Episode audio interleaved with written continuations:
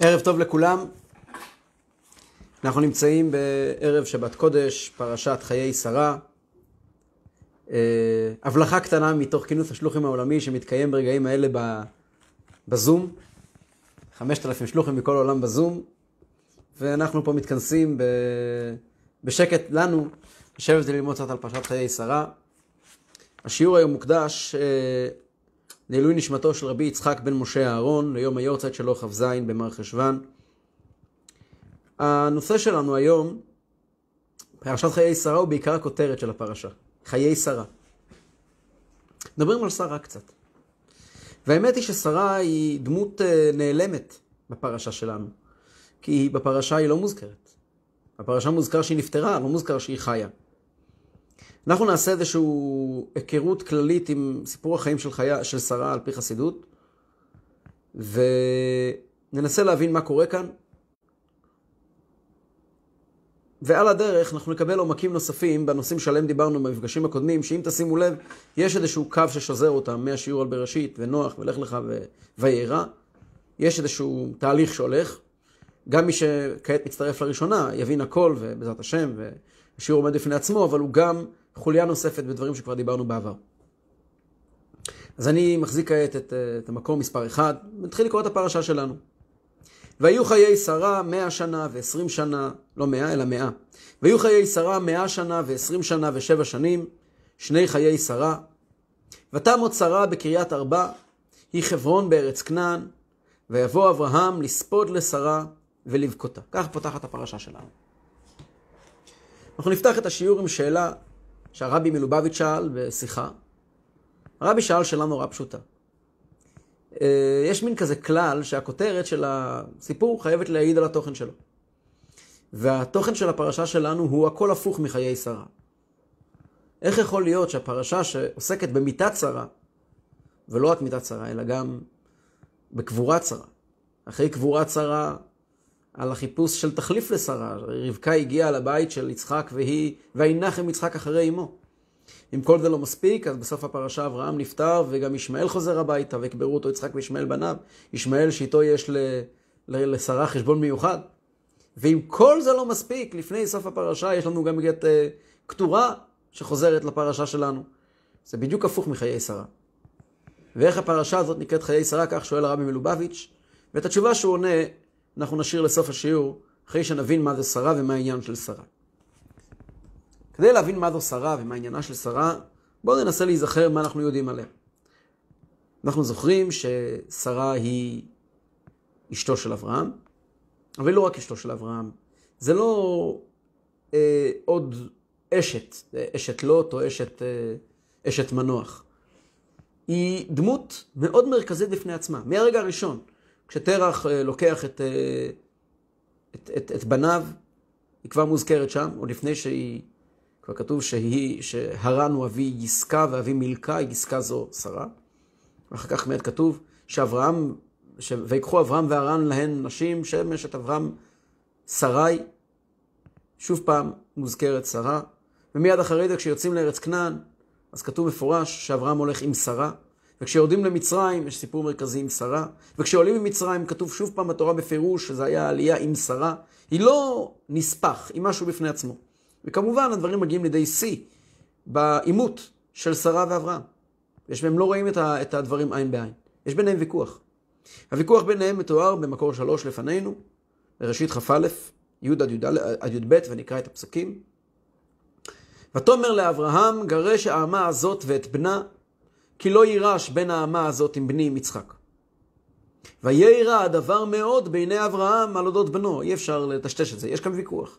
אגב, ויכוח בתוך בית יהודי זה דבר נורמלי, צריכים לדעת. אבינו, האבא והאימא הראשונים שלנו, אברהם ויצחק, אברהם ושרה, התווכחו, זה בסדר להתווכח. גם יצחק ורבקה לא ראו את החיים עין בעין, זה בסדר גמור. ואפילו יעקב ורחל ויעקב ולאה לא הכל ראו באותו, באותו, באותו נקודת מבט, זה לגמרי נורמלי. אז הנה האמא הראשונה שלנו, שרה, יש לה מחלוקת ממש עם אברהם. אברהם טוען, וירא הדבר מאוד בעיני אברהם. אברהם באמת באמת לא מבין מה, למה לזרוק מהבית ילד. זה הילד שלך. למה לזרוק אותו מהבית? כי לא יירש בין האמה הזאת עם בני יצחק. והדבר הזה, הטענה הזאת של אברהם חוזרת על עצמה בעוד מקומות, בפרשת וירא. כאשר, בפרשת לך לך עוד.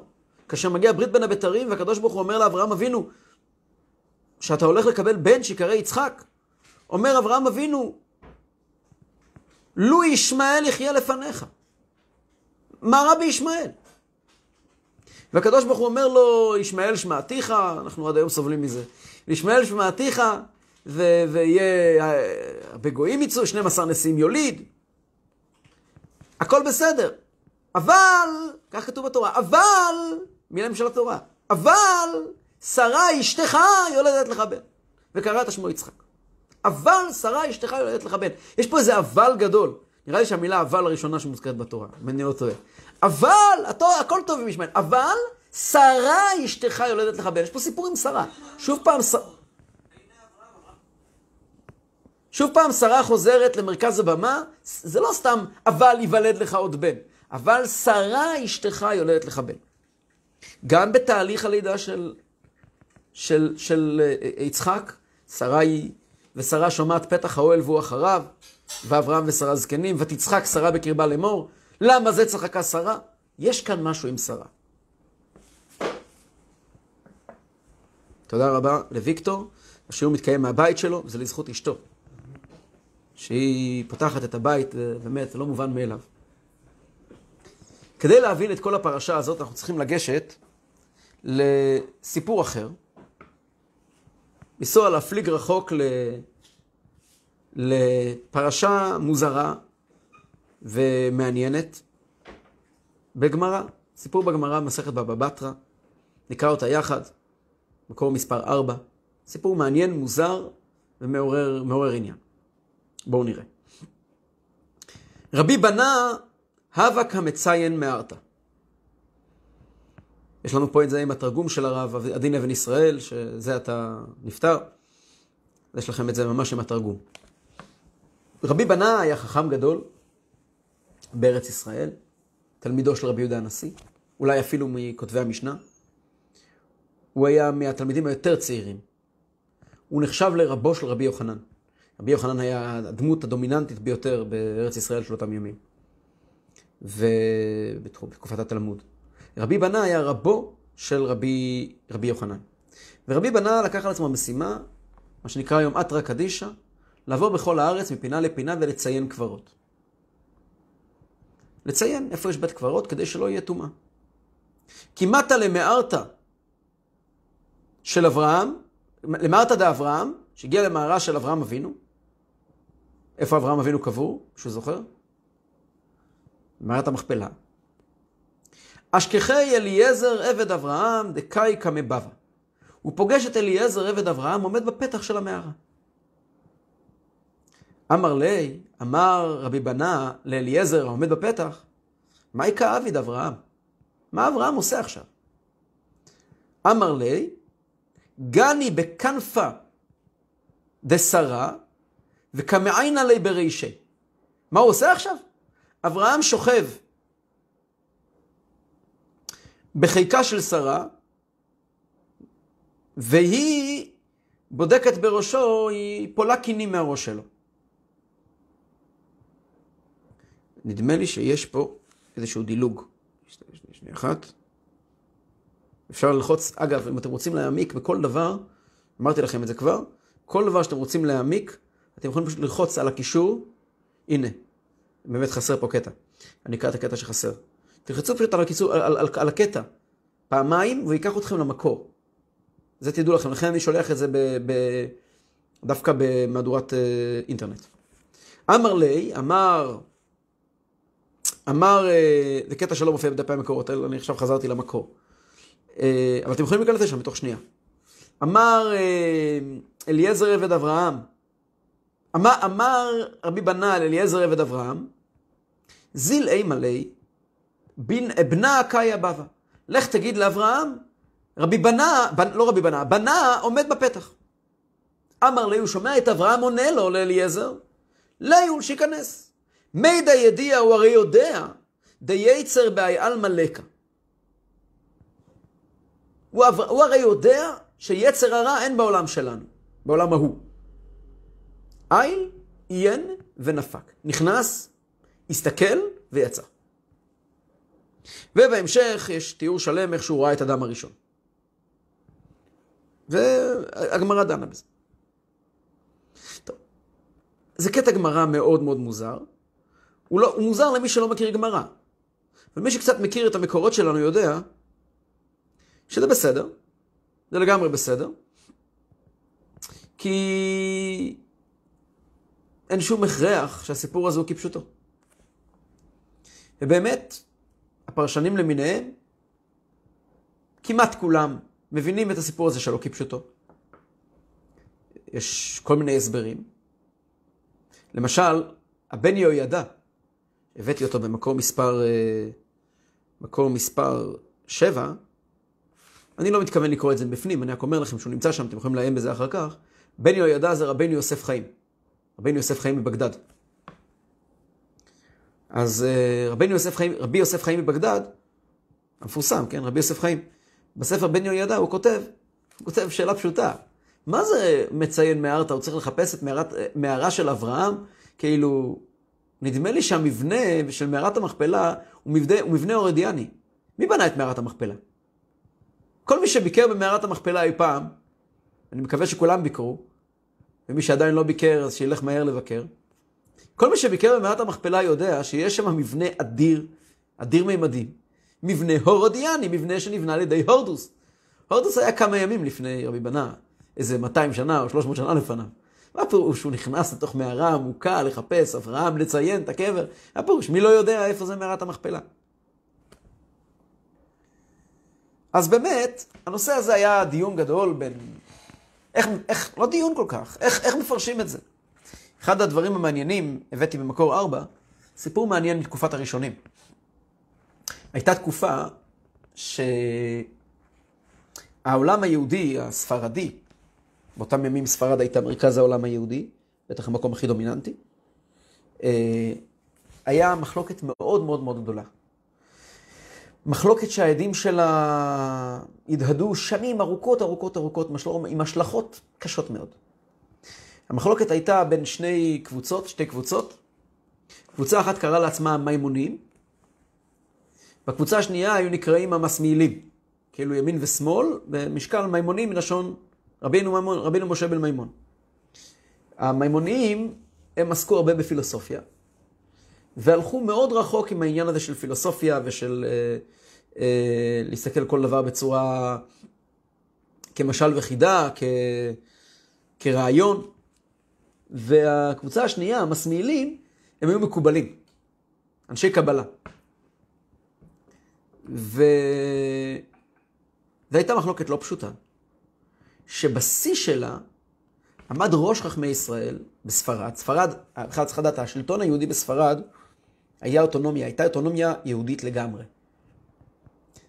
היו כמה פעמים בזמן הגלות, אנחנו עדיין בגלות, אבל היו כמה פעמים בזמן הגלות, לאורך הגלות, תקופות של עם ישראל היה אוטונומיה. אחת התקופות היה ספרד, היה ממש אוטונומיה. אוטונומיה של מאות שנים. אוטונומיה, אוטונומיה משפטית. זאת אומרת, היה מערכת חוקים נפרדת ליהודים, שנשלטה בידי, בידי, בידי אנשי מפתח.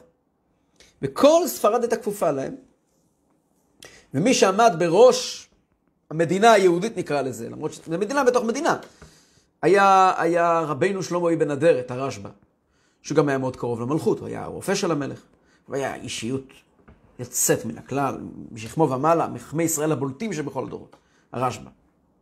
רשב"א זה לא חד, זה לא סתם גדול בישראל. על הרשב"א אומרים, יש רשב"א ויש תלמידי הרשב"א ויש תלמידי תלמידי הרשב"א. כאילו, יש אנשים שההגדרה שלהם, מי זה הר"ן? תלמיד הרשב"א. מי זה הריטב"א? תלמיד הרשב"א. הרשב"א הוא דמות שעומדת בפני עצמו מאוד מאוד מאוד. ובאותם ימים שהרשב"א עמד בראש, בראש אה, יהודי ספרד, היה פרעות מאוד גדולים באשכנז כידוע, ורבינו אשר בן יחיאל, הראש, אביו של מי שכתב את ספר הטור,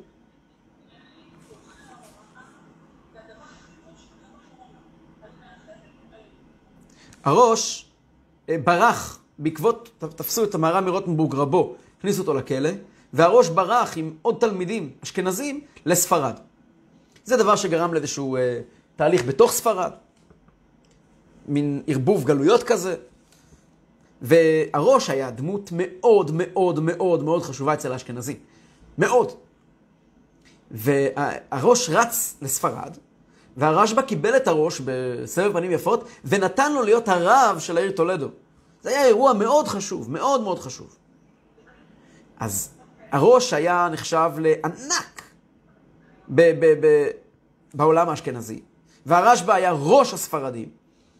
והרשב"א מודיע שכעת כותבים חרם על כל מי שהולך ללמוד פילוסופיה אה, רמב"מיסטית ו- או אריסטוטלית עד אה, שהוא פחות מגיל 40. חרם מאוד חריף, והוא חתם, חתם חרם, וגם הראש חתם על החרם הזה. זאת אומרת, זה היה מכה ניצחת לפילוסופים. וזה לא היה פשוט.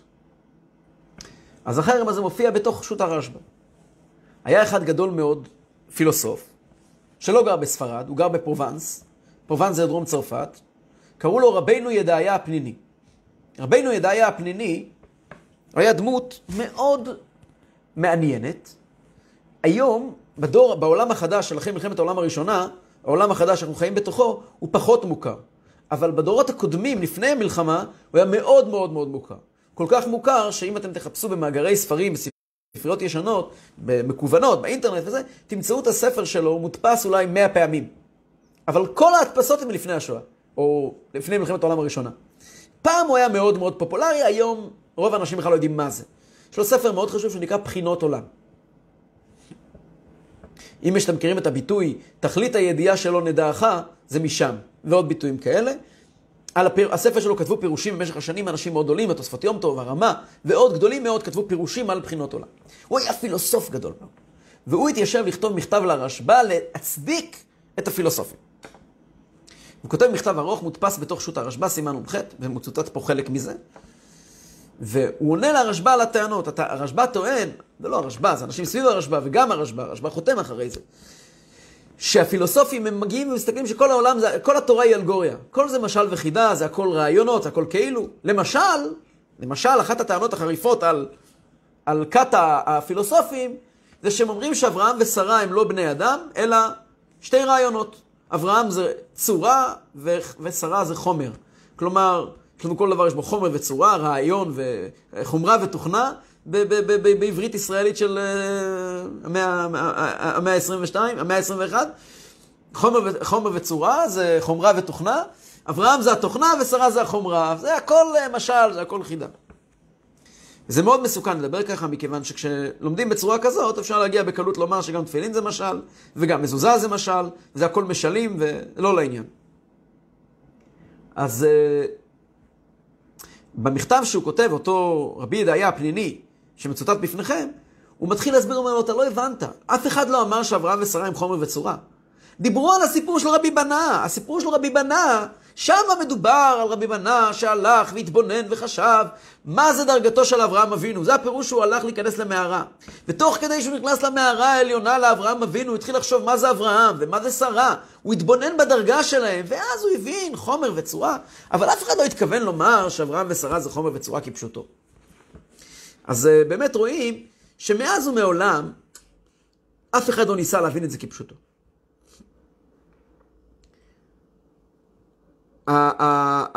בן יהוידע מביא שזה הכל חלום, כל מיני הסברים. מה ההסבר על פי חסידות? מה ההסבר על פי אמת?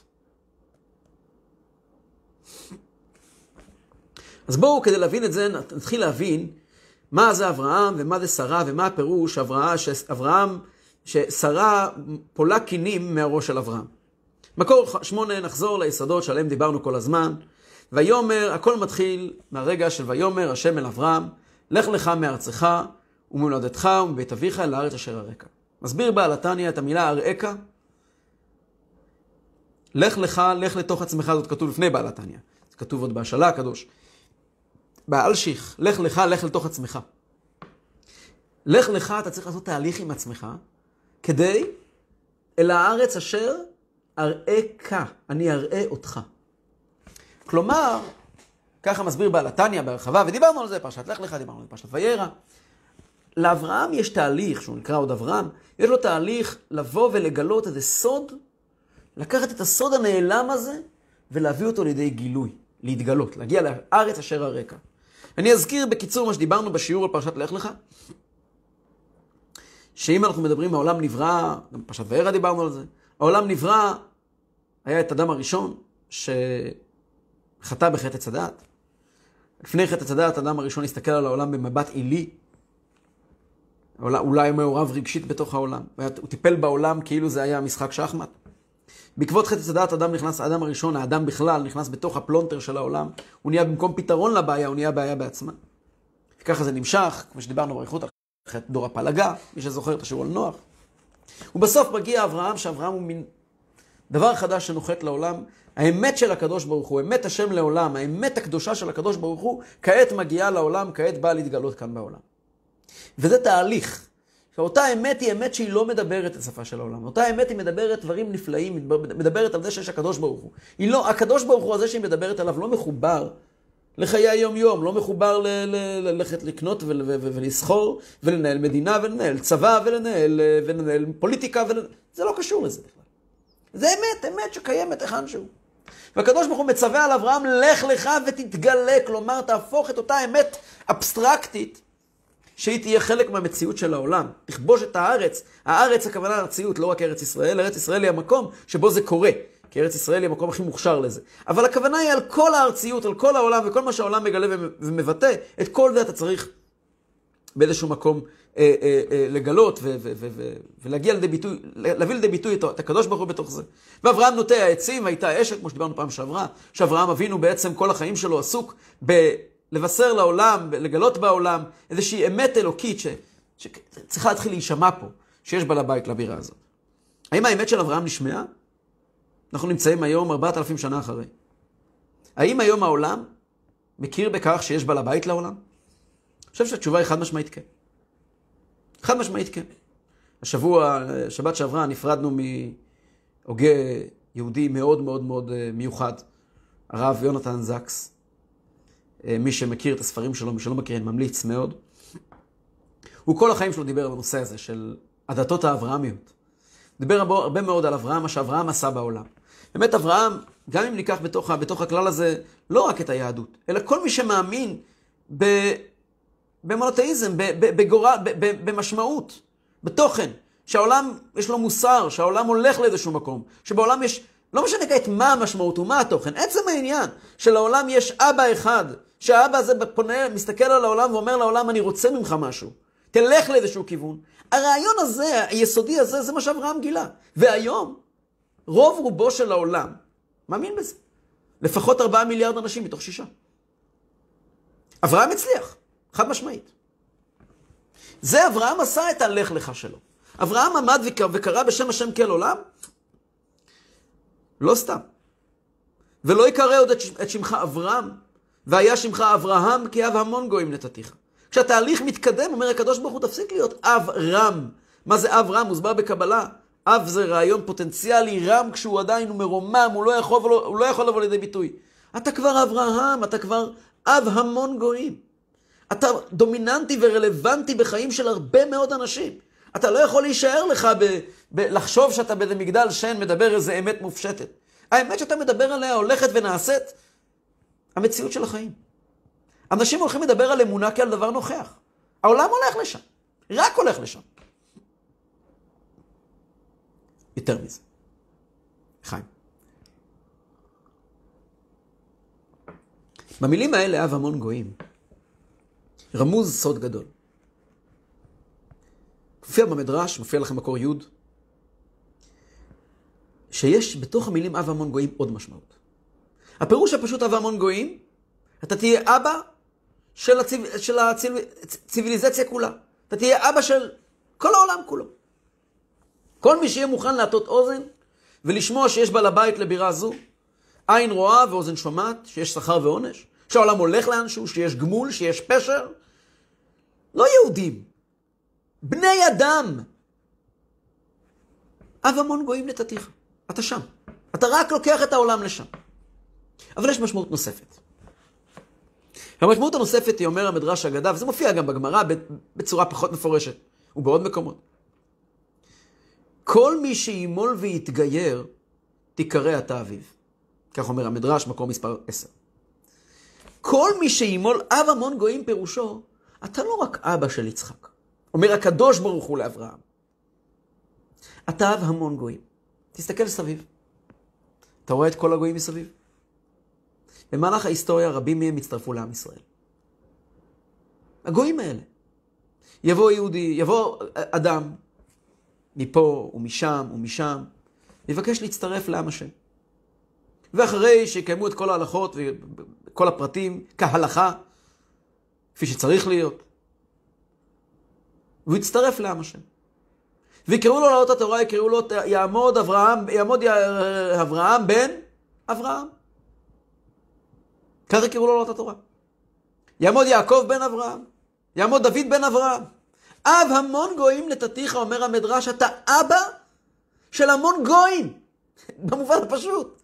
כי ביום שהם יבחרו להצטרף אל עם אלוקי אברהם בצורה מוחלטת ואבסולוטית, אתה אבא שלהם. יש בנושא הזה מכתב מרתק של הרמב"ם. חלקו הבאתי בי"א, ושוב פעם אני מלמד אתכם את הכלל. אם אתם רוצים להעמיק, שתי נקישות עם האצבע על המקור, ואתם מגיעים להרחבה גדולה בעניין. יש סיפור נורא מעניין. היה יהודי בשם עובדיה, שהיה גר. עובדיה הגר. למה קראו לו, למה הוא קרא לעצמו עובדיה? כנראה, או, או שבגלל שלפני שהוא התגייר קראו לו עבדאללה, אבל לא נראה לי, כי הוא לא יודע ערבית. הרמב"ם מתכתב איתו בעברית. אם הוא היה יודע ערבית, הרמב"ם היה כותב לו בערבית. וזה מהמקורות היחידים שיש לנו שהרמב"ם מתכתב בעברית. הרמב"ם, העברית של הרמב"ם היא הכי יפה שיש בעולם, ובכל זאת הוא לא כתב בעברית כמעט. אין עברית יפה כמו של הרמב"ם. שמעתי פעם שביאליק אמר שאת כולם יכול לחכות חוץ מאת הרמב"ם, מבחינת כתיבה. ו... אבל המכתב אליו הוא באמת בעברית, ועברית יפה של הרמב"ם. וכנראה שקראו לו עובדיה בגלל שהנביא עובדיה היה גר צדק. כידוע שהנביא עובדיה היה גר צדק.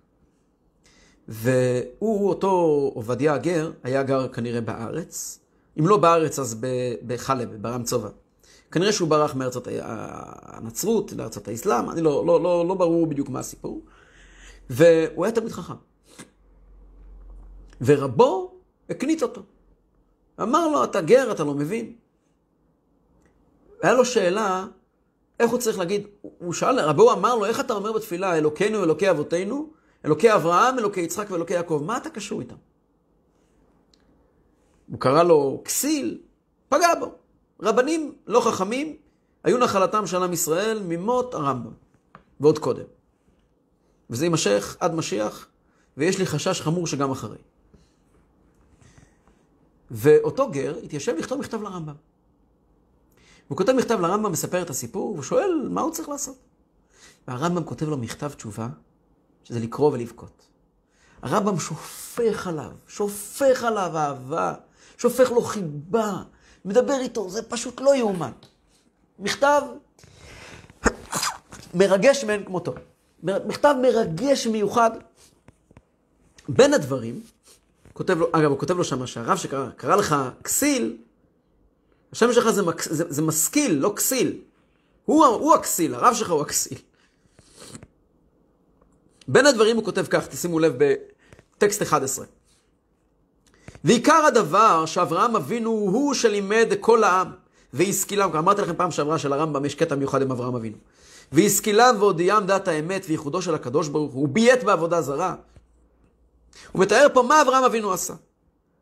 אברהם אבינו היה עסוק, תקראו את זה, אני לא אקרא את זה בפנים, תקראו את זה אתם. אברהם אבינו היה עסוק כל החיים שלו בלשבור עבודה זרה ולקחת עובדי עבודה זרה ולהעביר אותם לעם ישראל. מה אתה עשית, אומר לו הרמב"ם? אתה עבדת עבודה זרה, נצרות כנראה, ועברת לעם ישראל. אז אתה הזרע האמיתי של אברהם, אתה, אתה עוד יותר מאשר אחרים. אתה הולך בדרכו של אברהם, אתה ממשיך את דרכו של אברהם. וכשאתה אומר, על... מי, מי נחל את הארץ? אברהם נחל את הארץ רק לזרוע הביולוגי? אברהם נחל את הארץ לרעיון אחדות השם. ואתה מאמין באחדות השם. אתה ודאי יכול לומר שהנחלת על אבותינו. נודה לך השם אלוקינו על שהנחלת על אבותינו. אתה, אבותינו, מי אבותיך? אתה שמאמין באחדות השם, ודאי שאברהם אבינו הוא אבותיך. תסתכלו בפנים, הוא, כן, הוא מעריך מאוד להסביר לו את הרעיון הזה ש... אתה צריך לומר שנשבע השם לאבותינו, הכל אבותינו, אין לך שום... אברהם אבינו אבותיך ואין לך שום ספק בזה. אנחנו רואים שאברהם אבינו, הוא דמות באיזשהו מקום קוסמופוליטית. מצד אחד, הוא קוסמופוליטי. הוא מדבר אל כל העמים כולם. אב המון גויים נתתיך. וזו השליחות שלו, וזו המטרה שלו, ולכן הוא פה. הוא פה כדי לבשר לעולם כולו את בשורת כל אחד. אבל הוא גם אב לגרים. ואב לגרים פירושו שהוא רוצה שני דברים. ומעבר לבשורת הקל אחד בעולם כולו, הוא גם רוצה להעמיד זרע, שבעיקר זה יצחק, אבל לא רק יצחק, שיקח את הדבר כפי שהוא בטהרתו. את הדבר כפי שהוא בטהרתו, ייקח את הרעיון האברהמי כפי שהוא בטהרתו, באמת שלו, לא רק שידע שיש בעל הבית לבירה זו, שיאמין בשכר ועונש, והחיים שלו יהיו חיים רגילים. הוא רוצה זרע שהם יהיו המשך שלו, שיהיו דבוקים באחד האמת, יהיו דבוקים בקדוש ברוך הוא בצורה מוחלטת, וגם בעסקם, כמו שבעל התניא כותב בתניא, גם בעסקם בענייני העולם, הם יהיו מחוברים עם השם אחד. גוי אחד בארץ. כפי שדיברנו בפרשת וירא. ובעצם, מאברהם, מסביר בעל התניא, יוצאים שתי זרועות. יש מאברהם שתי, שני, שני, שני שבילים שיוצאים ממנו. שביל אחד, זה השביל של כל העולם כולו. מה היחס בין כל העולם כולו לאברהם? התשובה היא שאין יחס. אברהם הוא בנו של הקדוש ברוך הוא. אברהם קניין אחד, חמישה קניינים ברא הקדוש ברוך הוא בעולמו. אברהם קניין אחד. הברית נחרטה עם אברהם. אברהם הוא מיוחד לקדוש ברוך הוא. גם העולם השתנה בעקבות אברהם. גם אם אנחנו נמצא איזה כמה, כפר, כמה כפרים של מצרים ב, ב, ב, ב, ב, ב, ליד הסהרה שמאמינים בכל אחד, מאמינים באסלאם אז מאמינים בכל אחד, ולכן הם נזהרים לא לגנוב אחד מהשני, זה בזכות אברהם. אבל לא זה אברהם. אברהם זה יצחק. אברהם זה יעקב, אברהם זה עם ישראל. אברהם זה אישה יהודייה שיושבת בבית, בפינה, ואומרת מזמור תהילים. אברהם זה ילד ש, ש, שהולך לבית הספר ולומד תורה. עובד את השם, לא רק מאמין בכל אחד. והמשל לזה, אומר בעל התניא, מהמוח ישנם שתי נביאות. נביאה אחת שמגיעה מהמוח, המוח זה המוח שמנהל את כל הגוף. והשכל נמצא במוח. ומהשכל מתנהלים כל הרגשות שלנו, ומהרגשות מתנהלים הפעולות שלנו. זה דרך אחת שהמוח בא לידי ביטוי. יש עוד דרך שהמוח בא לידי ביטוי. השערות שצומחות לנו על הראש, לאלה שצומח, השערות שצומחות לנו על הראש, גם הן באות מהמוח. מה היחס בין השערות למוח? מרחק גדול מאוד, אבל הן באות מהמוח. הן באות מ... זה נקרא מותרי מוחין, ממיץ שנשאר מהמוח, זה נוצר, כך כתוב בחסידות וקבלה. לא יודע אם גשמיות זה ככה, אבל הרעיון הוא כזה. ההבדל הוא שבעוד שבה... שהשכל שלנו מוליד רגשות, והרגשות מולידות פעולות, אז ככל שאני הולך ויורד בתוך ההיררכיה הנפשית, יש פה איזשהו נתיב ברור שמוליך משכל לרגשות וכן הלאה. השערות לא מספרות לי כלום על המוח. הם פה, הם יצאו מהמוח. ולכן השערות צריכים לשטוף אותם כל הזמן, כי נדבקים בהם אה, זיעה ולכלוכים וגם קינים. וקינים, כידוע, קינים זה רומז על קליפות. הקליפות נקראים קינים כי הן יונקות דם, הן מוצצות דם, הן טפילים. כי ככה זה, כי כאשר הדברים הם אה, דרך אגב ועל הדרך, אז יש שם קינים שמוצצים.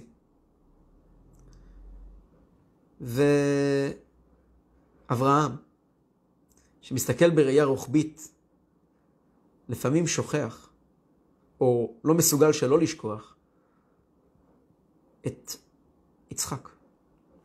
אברהם, יש לו תפקיד נוסף. אברהם אמור להיות גם אבא של ישמעאל. אברהם אמור להיות גם אבא של בני קטורה. זה התפקיד שלו. אבל להנחיל את הארץ, להתמקד רק ביצחק, זה קשה לאברהם. כי אברהם הוא מידת החסד. אברהם הוא הנתינה ולהביא את הקדוש ברוך הוא לכל מקום, כמה שיותר. היכולת לדייק את זה לנקודה מאוד ספציפית, שכאן גדל זרע מיוחד, קודש קודשים, של כי ביצחק יקרא לך זרע, זה קשה לאברהם אבינו לעשות. וגם בכל אורך כל הדורות. המושג הזה גרים, גרי צדק. ישנם גרי צדק שהם קדושי עליון. כמו למשל, שמעיה ואבטליון, רבי עקיבא, רבי מאיר, עובדיה הגר, עובדיה הגר שהיה, שהיה נביא עובדיה, ועוד. כידוע שעיקר הגרים, הגרים האמיתיים, כך כתוב בספרים, הגיעו מזרע עשיו, ולא מזרע ישמעאל. ואם תשאלו, אנחנו מכירים היום כל מיני גרים שמגיעים מזרע ישמעאל, התשובה היא שהם כנראה לא מזרע ישמעאל. כנראה לא, כנראה שהם לא מזרע ישמעאל. לא כל הערבים הם מזרע ישמעאל. כתוב בספרים הקדושים שנשמות הגרים הם ברובם מזרע עשיו. לאורך כל הדורות. באופן כללי אפשר באמת לראות את זה, שתמיד היה אה, תנועה, גם בתקופות קשות, תנועה של גרות בארצות של, של בני עשיו, והרבה פחות בארצות של בני ישמעאל. מצד אחד לא היה חיכוכים כל כך עם בני ישמעאל, הם, היו, הם הרבה יותר היו סימפטיים כלפינו, בכל מקום שהיינו. ארצות האסלאם ליהודים היה הרבה יותר טוב מאשר בארצות, בארצות אה, אדום. והנה עכשיו אנחנו רואים, הרבי פעם אמר ביחידות למישהו, שלערבים אין שום דבר נגדנו. וזה סתם פוליטיקה. ואם היו יודעים לנהל את הפוליטיקה הזאת נכון, אז uh, היינו יכולים לעשות מזמן שלום עם כל העמים הערבים מסביב. ובכך לאלץ את הפלסטינאים לעשות איתנו שלום. מה שרואים עכשיו מול העיניים. אין להם שום דבר נגדנו. אבל להתגייר, לעזוב הכל וללכת אחרי פחות, הרבה פחות. מה שרואים פשוט בשטח, שבני עשיו זה קורה הרבה יותר. וזה הכוונה, שמאברהם יוצאים שערות, זה הגרים בכל דור ודור. ובעצם ההשפעה על העולם כולו. ויש שמה, היות שזה דברים שהם קשורים לעולם, יש שמה מטבע הדברים זהה וקינים. ויש מי שאחראי לפלות את הקינים, לפלה את הקינים, להוציא אותם. וכאן אנחנו מתחילים לדבר על שרה. כתוב בכלל על אברהם אבינו, אנחנו אומרים כל יום בתפילה, שלוש פעמים ביום, ברוך אתה השם, מגן אברהם. מה זה מגן אברהם?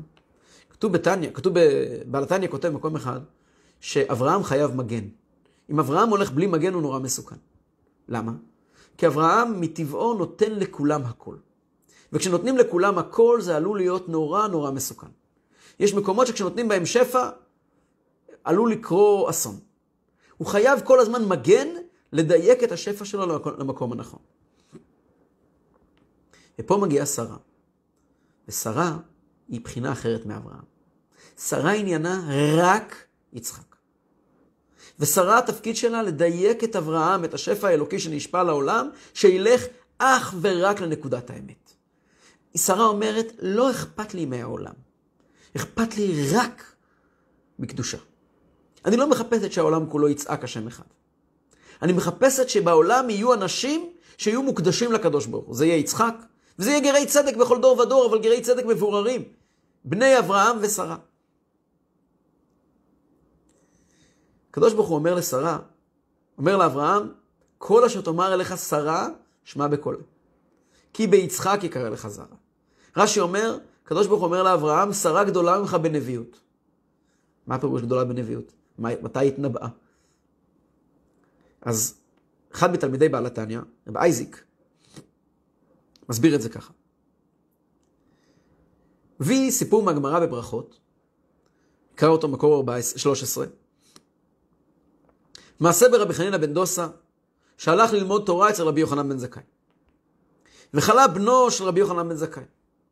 אמר לו חנינא בני, בקש עליו רחמים ויחיה. הניח ראשו בין ברכיו וביקש עליו רחמים וחיה. אמר רבי יוחנן בן זכאי, אלמלא הטיח בן זכאי את ראשו בין ברכיו כל היום כולו, לא היו משגיחים עליו. רק הבחור שכזה, חנינא בן דוסה, הוא יכול. אמרה לו אשתו של רבן יוחנן בן זכאי, וכי חנינא גדול ממך? הרי חנינא הוא תלמיד שלך. איך יכול להיות גדול ממך? אמר לה לאו, אלא הוא דומה אלא הוא דומה כעבד לפני המלך, ואני דומה כשר לפני המלך. מה זה ההבדל בין עבד לבין שר? אומר רבן יוחנן בן זכאי, אני שר והוא עבד. מה ההבדל בין עבד לבין שר? בגלל שהוא עבד, הוא יכול לבקש, ואני שר, לא יכול לבקש. מה הכוונה? מסביר רב אייזיק, מסביר כך. משל למה הדבר דומה למלך בשר ודם? שלמלך יש, למלך יש שרים. מה זה שר? שר זה מישהו שאחראי על תחום עניין מסוים במדינה. שר הבריאות אחראי שכולם יחטפו קורונה. שר הכלכלה אחראי שלאף אחד לא יהיה מה לאכול. שר החינוך אחראי שבתי הספר יישארו סגורים. שר המשפטים אחראי לפטר את, את, לסגור את הבג"ץ. כן? כל אחד מהשרים יש לו תפקיד. ככה זה במדינה מתוקנת. הזקנים היו אומרים מדין אלה. אז uh, השר, גם במונרכיה, שהמלך הוא, הוא, הוא שליט יחיד, כמו פה בית המשפט העליון, לא יודע. גם במונרכיה, שהמלך הוא שליט יחיד, לשרים הם אנשים מאוד חשובים, ומטבע הדברים כנראה גם שהם, אה, מה שנקרא ממשלה אה, של, ממשלה, ממשלה אריסטוקרטית, כן, של, של אנשי מקצוע, ושר הכלכלה הוא גאון בכלכלה, ושר, ושר התרבות הוא איש תרבות, וכל מיני דברים כאלה מעניינים שלא קיימים במדינות מתוקנות. אז אה, אותם שרים של המלך, כל אחד הוא מומחה לתחום שלו. ולא רק מומחה לתחום שלו, גם אנשים נאמנים למלך מאוד. וכשהמלך יושב ומדבר עם שר הצבא על המלחמה, ועם שר הכלכלה על הכלכלה, ועם שר האוצר על האוצר, אז הוא מדבר בעצם עם אנשים שמצד אחד מאוד קרובים אליו, הם מאוד רואים עין בעין איתו את הנהגת המדינה.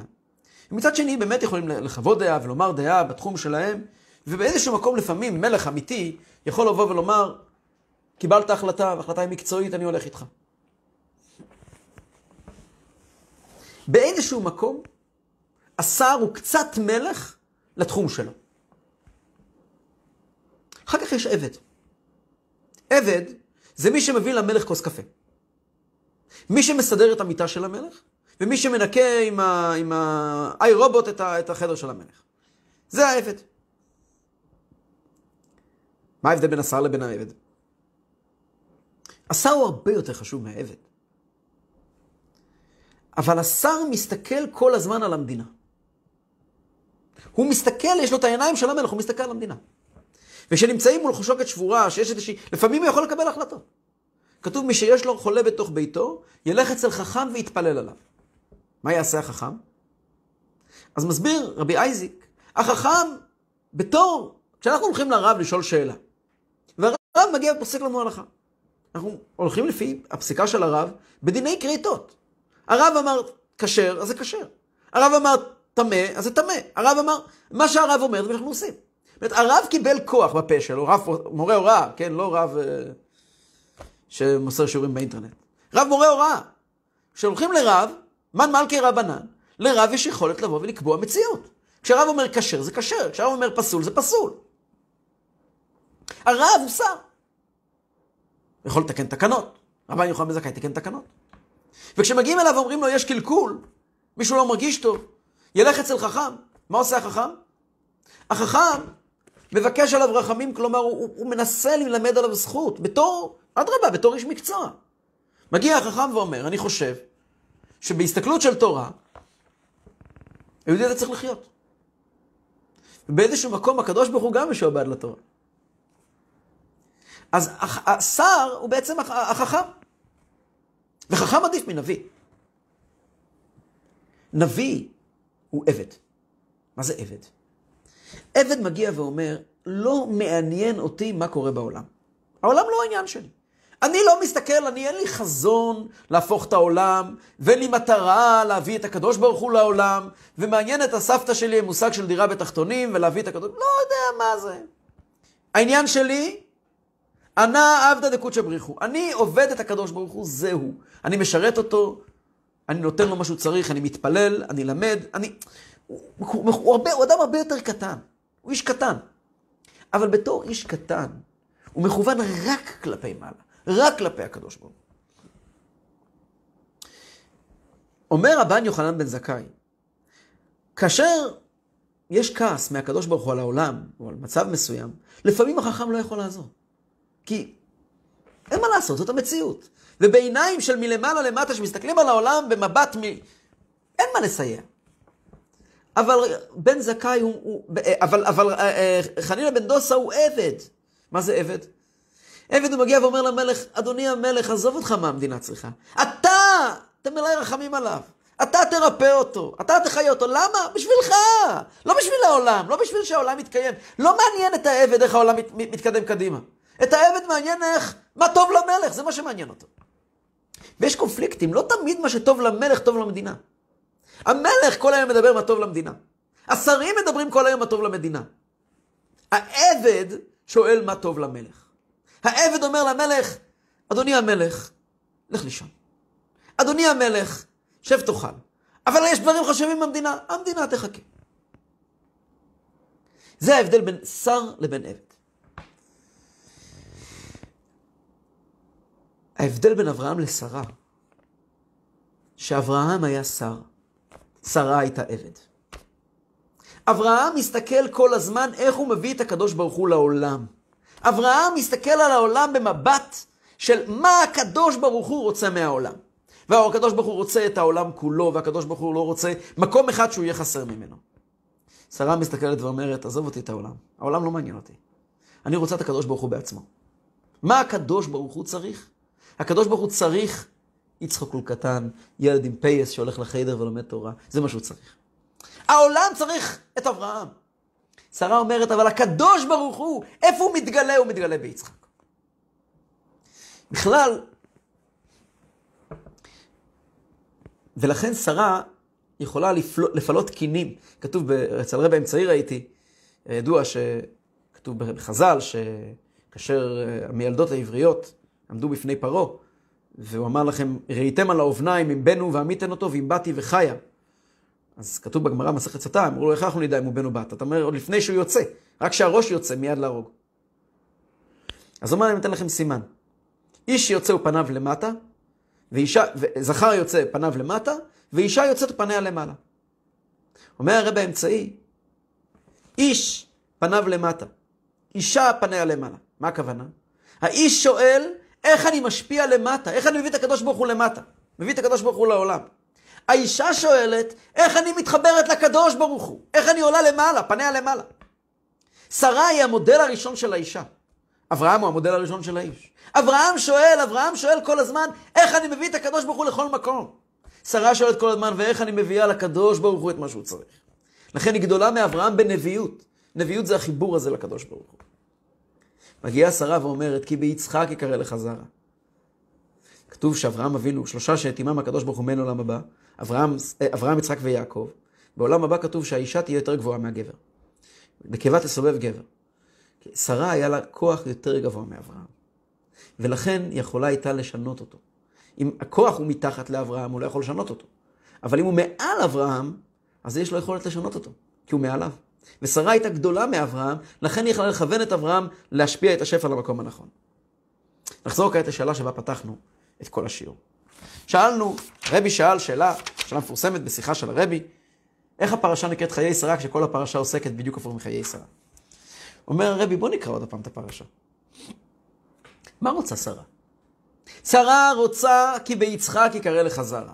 שרה רוצה שארץ ישראל לעם ישראל על פי תורת ישראל ולא יעבור זר בתוכם. מה הצעד הראשון של יהודים בארץ ישראל? מתי פעם ראשונה קנו קרקע בארץ ישראל? כששרה נפטרה. אברהם אבינו קובר אותה במערת המכפלה. יותר מזה, מי קבור במערת המכפלה? במערת המכפלה קבורים אדם, ו... אדם וחווה שהם בעצם אבות העולם כולו. אברהם בלי שרה יבוא ויאמר, אדם וחווה העולם כולו, מה זה קשור ליצחק? מה זה קשור אלינו? כששרה נפטרת, אברהם משתנה. אברהם נהיה בעצמו שרה. חיי שרה נהיים דווקא אחרי שהיא עוזבת את העולם. מה עושה אברהם? מגיע ואומר, אדם וחווה, אתם יודעים מי הם קשורים? עם אברהם ושרה, יצחק ורבקה, יעקב ולאה. אין שום דבר אחר חוץ מזה. אדם וחווה לעם ישראל. מה קורה אחר כך? אחר כך קורה, אותו יצחק לא מתחבר עם כל העולם. קח את האישה ללבני, משפחות מבית אבי, דווקא רבקה, שהיא בתולה ואיש לא ידעה, ויש לה מידות טובות, והיא גומרת חסדים, היא מתאימה לבית של שרה, שנר דלוק מערב שבת לערב שבת, ברכה שרויה בעיסה, ענן, דלוק, ענן, ענן קשור על, על הבית, ויצחק ניסה רק עם, עם, עם רבקה, הוא לא נושא גם את הגר ועוד אף אחד אחר, הוא לא נושא אה, אה, מישהי שלא שייכת ל, לקדושה של שרה. הרי זה בדיוק חיי שרה. יותר מזה. כשהפרשה מתקדמת, חוזר הבא, חוזרת הביתה כתורה. איך היא חוזרת? היא חוזרת בתור שפחה. זה מאוד מאוד ברור מה המקום שלה. יש אברהם, ואברהם נותן ליצחק את כל אשר לו. אנחנו לא מוחקים, שרה לא מבקשת למחוק אף אחד. היא מפחדת, היא מבקשת, היא מבקשת לשים גבולות, ש, שכתורה תדע שהיא כאן כדי להידבק באברהם וכדי לסייע לאברהם, לא כדי לרשת אותו. יותר מזה, כשאברהם מוליד 13 בנים מכתורה, את כולם הוא שולח לארץ אחרת. כלומר, הוא הולך ומוליד ממנה ילדים כדי לומר להם, רק ביצחק יקרא לך זרע. מתברר שלפעמים בן אדם חי רק אחרי שהוא חי. אז רואים באמת מה קורה. אנחנו נמצאים uh, בימים של כינוס השלוחים האלומי, ואני לא יכול להתאפק מלומר שאנחנו נמצאים היום קרוב ל-30 שנה אחרי ג' תמוז, אחרי שהרבי הסתלק מאיתנו.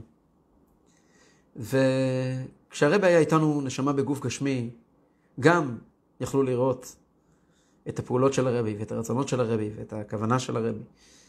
אבל כשמסתכלים היום בכינוס השלוחים, חמשת אלפים איש וחמשת אלפים אישה, עשרת אלפים אנשים עם בני ילדים, עם בני משפחות, שנמצאים מסביב לכל העולם כולו. ובכפל כפליים מאשר לפני ג' תמוז. לזה קוראים חיי שרה. לזה קוראים חיים אמיתיים שמתבטאים דווקא כאשר לכאורה החיים הגשמיים לא כאן. אלו ימים שהם עת רצון, כינוס השלוחים. ימים שבהם אנחנו יודעים שלפני, זכינו לראות את הרבי בכינוס השלוחים, שעוד היה לפני ג' תמוז, ארבע פעמים. היו ימים הכי שמחים, לא היו ימים טובים אצל הרבי כמו הימים האלה. הרבי היה באור פני מלך חיים, הרבי היה זורח ומאיר בימים האלה עוד יותר מאשר בשמחת תורה. זה עת רצון, שכולנו יכולים להתחבר לצבא הזה של הרבי. לא יודע אם כל אחד צריך לקחת עיר ושכונה, בשביל זה יש סיסטם ויש דרך איך שזה עובד, אבל כל אחד בשטח הקטן שלו, במקום שלו, לחשוב איך ממשיכים את, ה, את הרצון של הרבי, חיי שרה, לדאוג לעוד יהודי ועוד יהודי שיהיה שייך, לפלות ממנו את הכינים, ושיהיה שייך לאברהם ולשרה, ובעזרת השם, להביא את משיח צדקנו בקרוב ממש.